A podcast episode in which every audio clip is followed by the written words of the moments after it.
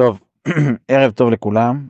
אנחנו נמצאים בחג החנוכה, בזמן של האור, אור הגנוז, כמו שכתוב לנו דברי חז"ל, שנגנז בימי החנוכה, שם נגנז האור הגנוז. אז אני אפתח דבר ראשון עם רעיון, שהזכרנו אותו בעבר בימי החנוכה. אני חושב שהרעיון הזה הוא רעיון אמיתי וצריך ללכת איתו לכל האורך.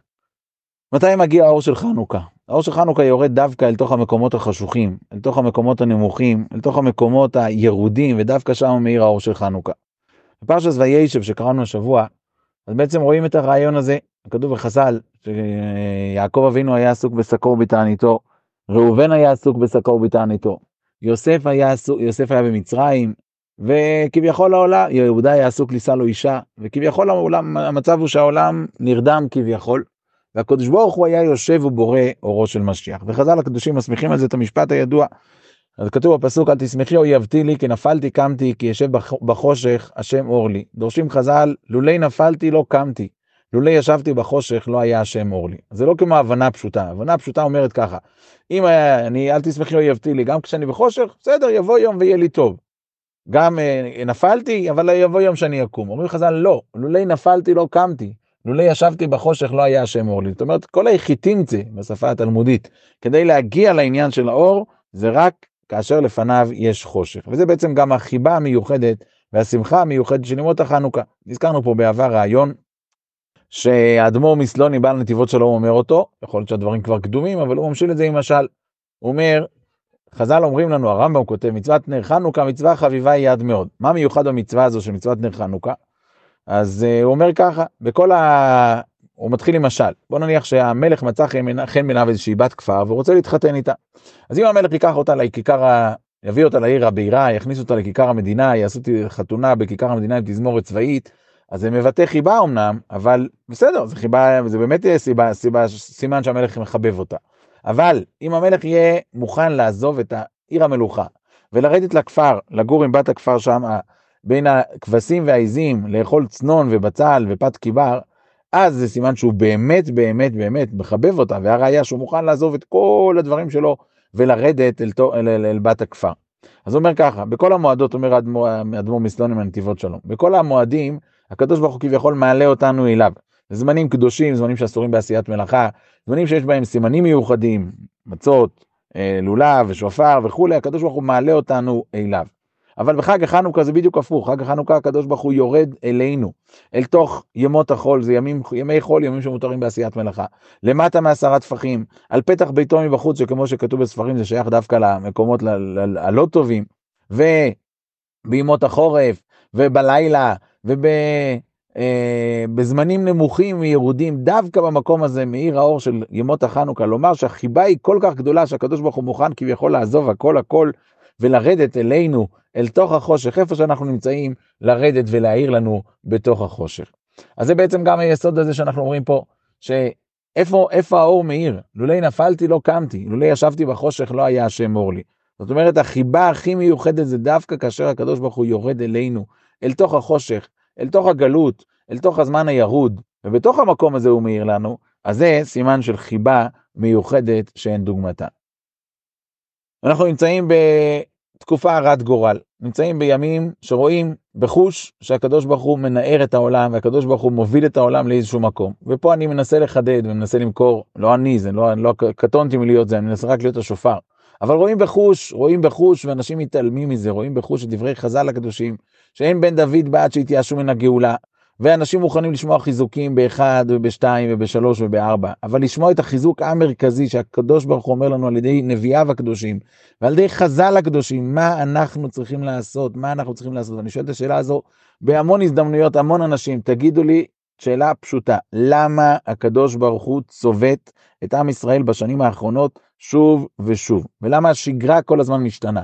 האם כדי שאנשים יבואו ויבקשו ריבונו של עולם, תחזיר אותנו לשגרה, אז בשביל מה שינו את השגרה? בשביל... אם כל המטרה היא רק שנעשה ימי תפילה ונתחזק, וראיתי מכתב של רבנים, שצריכים להתחזק ולבקש על זה שבעזרת השם נוכל לחזור לישיבה ולכוללים, ככה מישהו אמר לי בשם, לא ראי, כן ראיתי מכתב, אני לא, לא משנה עכשיו הפרטים וכולי.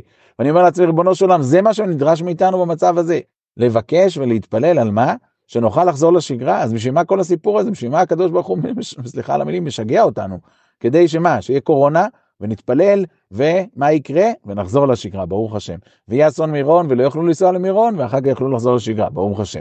ויהיה עכשיו פרעות ת' שמחת תורה, ולא יוכלו ללכת לבתי כנסת, ויהיה, מניעות ועיכובים בלימודים וכולי, ואחר כך נוכל לחזור לשגרה, אז בשביל מה? אני לא מבין, צריך להיות עיוור כדי לחשוב שהקדוש ברוך הוא סתם משגע את העולם, סליחה על המילים, כדי, כדי לא להגיע לשום מקום יותר, יותר מתקדם. ואני רוצה לפה לספר ליהודים היקרים של הקו הקדוש סיפור, מעשה שהיה, וזה היה ביום ראשון שעבר, מיד אחרי שדיברתי בקו, ואני חושב שפשוט משמיים חיזקו אותי בחיזוק גדול. שבוע שעבר היה כמה נסיבות, כמה עניינים שגרמו למה שנקרא למצב רוח קצת ירוד. ודיברתי פה בקו והזכרתי את העניין של הציפייה לגאולה כדרכנו מדי שבוע. ואני אומר לעצמי, מי אמר שמה שאני עושה זה נכון? מי אמר? אני מנסה הרבה הרבה לפרסם, ודרך אגב, השבוע יצא לאור קונטרס, מפואר, מפואר, קונטרס עם דברי חז"ל הקדושים, שכל מה שקורה בתקופה האחרונה, הכל כתוב בנביא, כתוב בצורה ברורה, ברורה, כשחור על גבי לבן, וצריך להיות עיוור כדי לא לשים לב שהדברים כתובים שם. ומי שרוצה, כמו שאמרנו, יוכל לקבל את זה. זה נמצא, אפשר לקבל את זה במייל, בכתובת P0504 102 192 שטרודל gmail.com. או שמי שיפגוש אותי פנים אל פנים בביתר, יוכל לקבל את זה גם כן. המטרה באמת היא להפיץ את זה לכמה שאפשר בבתי כנסת, וגם פה אני אגיד לכם מפורש, אם הייתי בא ומוכר לאנשים, רבותיי בואו תזכו בזכות של סעודה של לכבוד הצדיק פלוני ואלמוני, אני מבטיח לכם שבצ'יק צ'אק היה עשרות אלפי שקלים, עשרות אלפי שקלים כדי לכסות מה? לכסות סלמון ובשר, שיהודים ישבו ויאכלו ויטיבו את ליבם בלי לזלזל, דבר חשוב, אני לא מזלזל בזה, דבר גדול.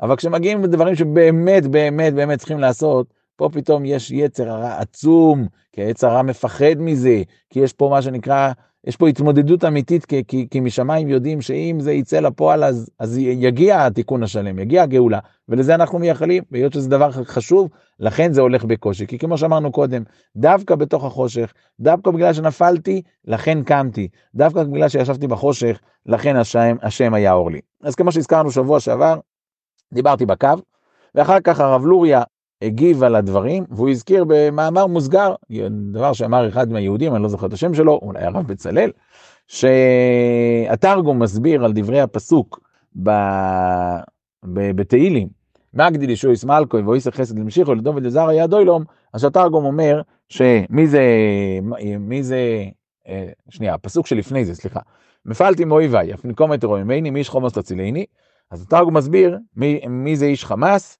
מגוג וממשריית אמין הממין חטופין די מי תשזבינני. זאת אומרת, תציל אותי מגוג ומקבוצת העמים החוטפים שנמצאים ביחד איתו. אז הוא אמר, הנה תראו מה שכתוב פה, קבוצת העמים החוטפים שנמצאים יחד עם גוג. אז כמו שאנחנו כבר הארכנו במאמר, והדברים, הזכרנו את זה בשבועות קודמים, שלפי סימנים, מה שכתוב בחז"ל הקדושים, אז אנחנו מתקדמים למקום הזה, שהוא בעצם המלחמת גוג ומגוג והעניין של הגאולה. אבל מאוד מאוד עניין אותי uh, לראות uh, מה, מה כתוב, איך התרגום מסביר במקום השני. הרי בעצם ישנו פסוק, יש אותו שירה, שירת דוד, שירת uh, דוד, שהיא נמצאת בעצם גם בתהילים, תהילים י"ט, וגם ב, ב, בשמואל בייס, כידוע לנו, אנחנו מפטירים את זה בשבת פרשת בשלח ובשביעי של פסח, יש, יש הבדלים בין מה שכתוב בנביא לבין מה שכתוב בתהילים.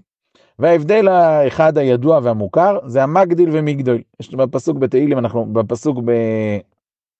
בתהילים כתוב מגדיל ישועיס מלכוי, ובפסוק בשמואל כתוב מגדול ישועיס מלכוי. מה, מה הרעיון של ההבדל הזה? אז יש כאלה שאומרים סתם, אבל המדרש אומר מפורש לא, מגדיל ומגדול, אומר המדרש, כתוב אחד אומר מגדיל, וכתוב אחד אומר מגדול, מדרש שוחר טוב. הוא בא, לו, מגיד לך לומר שאין הגאולה באה על האומה הזו בבת אחת. כי אלמלא כן הם לא יוכלו לקבל את זה, כי הגאולה תבוא עם צרות, ועם ישראל לא יוכל לקבל את הצרות בבת אחת. לכן זה יבוא בשני שלבים, בכמה וכמה שלבים, וכפי מבואר בדברי אתר, בדברי המדרש, שזה ילך בשנב, בשלבים, זה ילך בעם ישראל להתכנס לארץ ישראל, ולאחר מכן יהיה ממשלה, ולאחר מכן יהיה uh, ממל, ממש, ממש, ממלכת לבת ירושלים, כמו שהזכרנו שבוע שעבר, את דברי המלבים, שאומר שככה הדברים יהיו. אז זה פסוק ידוע. אבל עניין, יש שני פסוקים לפני זה, שעל הפסוק הזה בעצם יושב התרגום, מה, מה שהזכרנו קודם. הפסוק אומר ככה, אז עניין אותי לראות איך יש פסוק בתהילים, ויש את הפסוק בשמואל. עניין אותי לראות מה, איך התרגום מסביר את הפסוק בשמואל. ושם כתוב ככה גם כן, מוציאים מאויביי ומקמאי תרוממני, מאיש חמסים תצילני, בתהילים כתוב מאיש חמאס תצילני, פה כתוב מאיש חמאסים תצילני, ושוב התרגום אומר אותם מילים. אה, ופרקי משנאי, ואל דקיימין להבאשה לי תגברינני, זאת אומרת, אתה פודה אותי מהשונאים שלי, ועל אלו שעומדים להרע לי אתה מחזק אותי, מגוג וממשרייתא ממינך תופין דימי תשע יזבינני, מגוג ומקבוצת העמים החוטפים שביחד איתו, תציל אותי. טוב, אז ראיתי בדיוק התרגום אומר אותו דבר, כמו פה, כמו פה, יפה. אבל אז, עד כאן, דברים פשוטים. אבל אז, אז אמרתי לעצמי, בוא נסתכל הלאה, ואני מסתכל קצת לראות אה, פרק הבא, הפרק הבא, פרק פרק שמואל בייס, פרק כ"ג. ואלה דברי דוד האחרונים, נאום דוד בן ישי, נאום הגבר הוקם על משיח אלוקי יעקב ונעים זמירות ישראל. רוח השם דיבר בי ומילתו על לשוני. אמר אלוקי, אמר אלוקי ישראל, לי דיבר צור ישראל, מושל באדם, צדיק, מושל יראת אלוקים. וכאור בוקר יזרח שמש, בוקר לא אבות מנוגה, ממטר דשא מארץ. כי לא יכן ביתי עם כל, כי ברית עולם שם לי ארוחה בכל ושמורה, כי כל אישי וכל חפץ כי לא יצמיח. ובלי על כי קוץ מונד כולם, כי לא ויד ייקחו. ואיש ייגע בהם ימלא ברזל ועץ חנית, ובאש שרוף ישרפו בשבת. אז זה נבואה של דוד המלך, כידוע לנו דוד גם אחד מהנביאים, והוא אומר פה משפט, משפטים לא ברורים, וכשאנחנו לא מבינים, אז אנחנו מסתכלים בתרגום, אומר התרגום. ואילו, אני מתרגם את זה בתרגום לשפה מדוברת, ואילו פתגמי נבואת דוד שהתנבא לסוף העולם, לימי הנחמה שעתידים לבוא. זאת אומרת, מפורש, הוא מדבר איתנו על משהו שעדיין לא קרה. זאת אומרת, זה עדיין לא קרה. ואומר דוד בן ישי, ואמר, האדם, גברא, דמרבל מלכו משיחה, זאת אומרת, האדם שכאילו דרכו מלך המשיח יבוא, במימר, בדבר אלוקי יעקב, ו... ומזומן לדבר בכך טוב את שבחו של ישראל. טוב, אני, להקריא את כל המילים של התרגום זה קשה, בפרט שהוא אה, צריך להסביר את זה גם בשפה שלנו, אבל אני קורא את הפסוקים מה שהם רלוונטיים לענייננו. אומר דוד המלך, פסוק ג', אמר דוד, אלוקי ישראל אמר לי, שיבוא מישהו חזק מישראל, שישלוט בבני, בבני אדם, שהוא אמר לי למנות מלך שהוא, שהוא המשיח, שעתיד שיקום וישלוט ביראת השם. ואז הפסוק אומר ככה, הפסוק מתאר, שוב, לפי התרגום, כמה טוב יהיה לכם לצדיקים, עשיתם לכם מעשים טובים, שעתידים, שאתם עתידים להאיר כאור יקרו, כאור הבוקר שהולך וזורח, וכמו השמש שעתידה להאיר, כמו האור הקיים שלה, על חד 343 כמו אור שבעת הימים, שבע, שבע ימים יותר ממה שהיום, ואז הפסוק אומר ככה, בואו תשימו לב למילים הבאות, ודייתיו לכון, דאבייתון מחמדין לשני נחמתא דעתיין, הכי עיקרא דמסובר בשני בצורתא דייכות מיתרא על ערא. שוב, אני, זה המילים של התרגום, בואו נסביר את זה במילים שלנו. אומר הפסוק, אתם עתידים, לה, עתידים להעיר את העולם, אנשים כאלו שעתידים להעיר כמו אור, כזוהר, כזוהר הרקיע ויותר מזה, 343 כאור שבעת הכוכבים. למי? ייטב לכם, אלו שהייתם מחמדים לשני הנחמה, שהייתם מחמדים, דהיינו מצפים לשני הנחמה שבא, שבאים, כמו עיקר שמייחל בשני הבצורת שירד גשם על הארץ. ישנו פסוק שאומרים אותו בהושענות של הושענא רבה, אני לא יודע אם כולם אומרים, בכל אופן בנוסח של האשכנזים אומרים את זה. צמאים לישך כארץ עייפה למים. שים לב איזה תיאור עצום. צמאים לישך כמו ארץ עייפה למים, ארץ עייפה, היא יבשה, היא מבוקעת, ומה היא מייחלת? מייחלת שיבוא גשם וירטיב אותה ויסגור לה את הבקעים ואת כל הסדקים ואת כל הפצעים שלה. זה מה שהיא מייחלת. אומר התרגום, אלו שיהיו בבחינה כזו של מייחלים לחסדו של הקדוש ברוך הוא, כמו עיקר שמחכה לזה שירד גשם וירטיב את ה...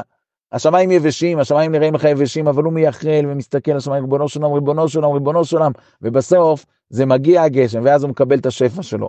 אומר, אומר לך התרגום, זה מה שדוד המלך אומר, למי ייטב, למי יהיה טוב? לאלו שמייחלים ומצפים. אומר הרד"ק בפירושו ליחזקאל, מי שייחל לפני שיבוא המשיח, הוא ייחל גם אחר כך. זאת אומרת, כאילו, הוא יזכה לראות את הנחמה, ומי שלא, שלוש נקודות. אז צריכים לדעת שברוך השם יש לנו את הזכות להיות יהודים כאלו שכן מייחלים, ולפחות משתוקקים לזה, ולפחות רוצים את זה, ולפחות מדברים על זה. אז אמר לי מישהו השבוע, מה אתה רוצה? כולם מתפללים ב-18, צמח דוד עבד חומר אס הצמיח, לירושלים יכו ברכנו תושו. נכון? וברוך השם, אני לא רוצה לקטרג על אף יהודי, ואדרבה, הייתי שמח, הייתי משתוקק, שיהיה כזה השתוקקות אצל, אצל היהודים. אני רק אומר דבר אחד, את אותו עצימת עיניים שעושים כאשר יש חלילה איזה קושי, איזה צרה, איזה רפואה שצריך, את אותו עצימת עיניים לפחות שיהיה, ולירושלים ילכו ברחמים תושוב, אצמח דוד עבדכו מאירוס הצמיח, ובניין ביס המקדוש, כי זה הציפייה שלנו, זה התשוקה שלנו, זה האיחול שלנו. מכיוון שאנחנו נמצאים בימי החנוכה, אני אגיד פה רעיון שכבר הזכרנו אותו בעבר, אבל אני חושב שהוא רעיון אמיתי. אה, הוא, הוא למדני קצת, אבל אני, אני, לא, אני אשתדל לא להאריך בו, אבל בכל אופן אני אגיד אותו. ישנה שאלה ידועה, היה שואל שאלה כזו, הרי הנס של חנוכה, מה היה הנס של חנוכה? שמצאו פח שמן טהור. נשאלת השאלה, התעוררתי לשאלה הזו לפני כמה שנים, שלכאורה, אה, לפי דברי הגמרא במסכת אה, פסחים, אז שמן הוא בכלל משקה שלא מקבל טומאה, משקה שלא מקבל טומאה, אז הוא בכלל לא, לא שייך בכלל טומאה, אז מה זה הנס הגדול של חנוכה, שאנחנו עושים כזו התרגשות מזה שהשמן לא נטמא, מצאו שמן טהור, שמן לא מקבל טומאה, ככה התעוררתי לשאלה, אחר כך מצאתי שהיעב"ץ שואל את השאלה הזו, והוא מתרץ כמה תירוצים, כתבתי את זה בשעתו בסייעתא דשמיא מאמר, ונקודת התירוץ בסופו של יום, לכאורה הנקודה הכי אמיתית, זה הנקודה הזו. הדין הזה שמשקים לא מקבלים טומאה, ששמן לא מקבל טומאה, זה דין מיוחד בבייס המקדוש. משקה בי מטבחיא, דכן. אבל זה דין מיוחד של בייס המקדוש. ברגע שהיוונים פרצו את בית המקדש, הם ביטלו את שם קדושת בית המקדש, ממילא כבר לא היה לזה דין בייס המקדוש. ממילא השמן מקבל טומאה, וממילא הם טימאו את, את הזה. ואז התחדש לי חידוש על פי חשבון, על פי מספר, כיוון, כיוון שאני חושב שהדברים הם נכונים, בכל אופן ברמת הדרש, אז אני אגיד אותם. כתוב בחז"ל שהם פרצו, היוונים פרצו 13 פרצות. אז במשנה מופיע שהם פרצו 13 פרצות בעזרה. הרמב"ם כותב שפרצו 13 פרצות בהיכל. אז התעוררתי לחשבון כזה. פרצה, כמו שהגמרא אומרת, זה ודאי יותר מ-10 אמות, כי עד 10 אמות דינו כפתח, כך אומרת לנו הגמרא בעירובין. יוצא אם כן שכל פרצה הייתה לפחות יותר מ-10, אם זה לא יהיה 10 אז זה 11, אנחנו הולכים פה על אמות שלמות, לא על חצאי אמות. אז כל פרצה היא לפחות 11 אמות. נכפיל 13 פרצות ב-11, נקבל את המספר 144. מה המיוחד במספר הזה? אז שמתי לב לעניין הזה, לפי דברי הרמב"ם, לפי דברי המשנה, במידויס וכולי, אז האורך, אז האורך של, אה, של כל האזהרה, זה בעצם, ההיקף של כל האיכול, זה 288 אמות. 144 זה בדיוק חצי, זאת אומרת שהיוונים רצו לפרוץ פרצות עד כדי כך שתתבטל לגמרי קדושת בית המקדש, שלא יהיה אפילו מה שנקרא עומד מרובה על הפרוץ, הרי אלינו בדיני שבת, שבכל אופן לפי חלק מהשיטות עומד מרובה על הפרוץ זה נקרא מחיצה, אז היוונים לא רצו שגם את זה יהיה, ולכן הם פרצו לגמרי את הפרצות, וזה מאוד מדויק בשיר שאנחנו שרים מעוז צור, שהוא שיר מאוד מאוד קדום. מה כתוב בשיר? ופרצו חומות מגדלי וטימאו כל השמנים. זאת אומרת שזה כדי להגיע, היחיתינצה, כדי להגיע לטימאו כל השמנים, זה היה חייב לעבור דרך פרצו חומות מגדלי. אז הנה בזמן הזה של חנוכה, נבקש מהקדוש ברוך הוא, ריבונו של עולם, די. אנחנו לא רוצים להישאר בגלות, אנחנו לא רוצים שמפעם לפעם יצטרכו תזכורות לעם ישראל שאנחנו נמצאים בגלות. אנחנו לא רוצים את זה. אנחנו רוצים לחזור לבייס המקדוש. אנחנו רוצים לחזור למלכוס שמיים. אנחנו רוצים למלכוס בייס דוד. אנחנו רוצים את בניין בייס המקדוש, כי זה מה שעם ישראל מייחל, כל היהודים מייחלים. מגדיל ישועות מלכו? מגדול ישועות מלכו? הישועה הולכת לאט, אבל היא מגיעה, ואנחנו מחכים כבר להגיע, בעזרת השם, מה שנקרא, לתכלית השלמה של בניין בית המקדש בהר הקודש בירושלים. בניין מלך המשיח על עם ישראל, מלכות בית דוד ומלכות שמיים תתגלה בכל העולם כולו, לא רק שתי מיליון יהודים או כמה וכמה יהודים טובים ברחבי העולם, כל העולם כולו, סינים ותאילנדים וצ'רקסים, כולם ללא, ידע, ללא יוצא מן הכלל, כולם ידעו, כי עתו מלך מלכי המלוכים, ועתו וידע כל פול כי עתו פיאלתו, ויאמר כל לשון נשום באפוי, השם אלוהיקי ישראל מלך ומלכוס ובכל משהו לא ידעו שהוא מלך העולם ועמו ישראל הוא העם הנבחר ובעזרת השם נזכה כולנו לשוב ולשמוח לפני השם ולראות את תדלוק הסנרס המנוירו בביס המקדוש בשמחה ובטוב לבב. חנוכה שמח ובשורות טובות לכולם.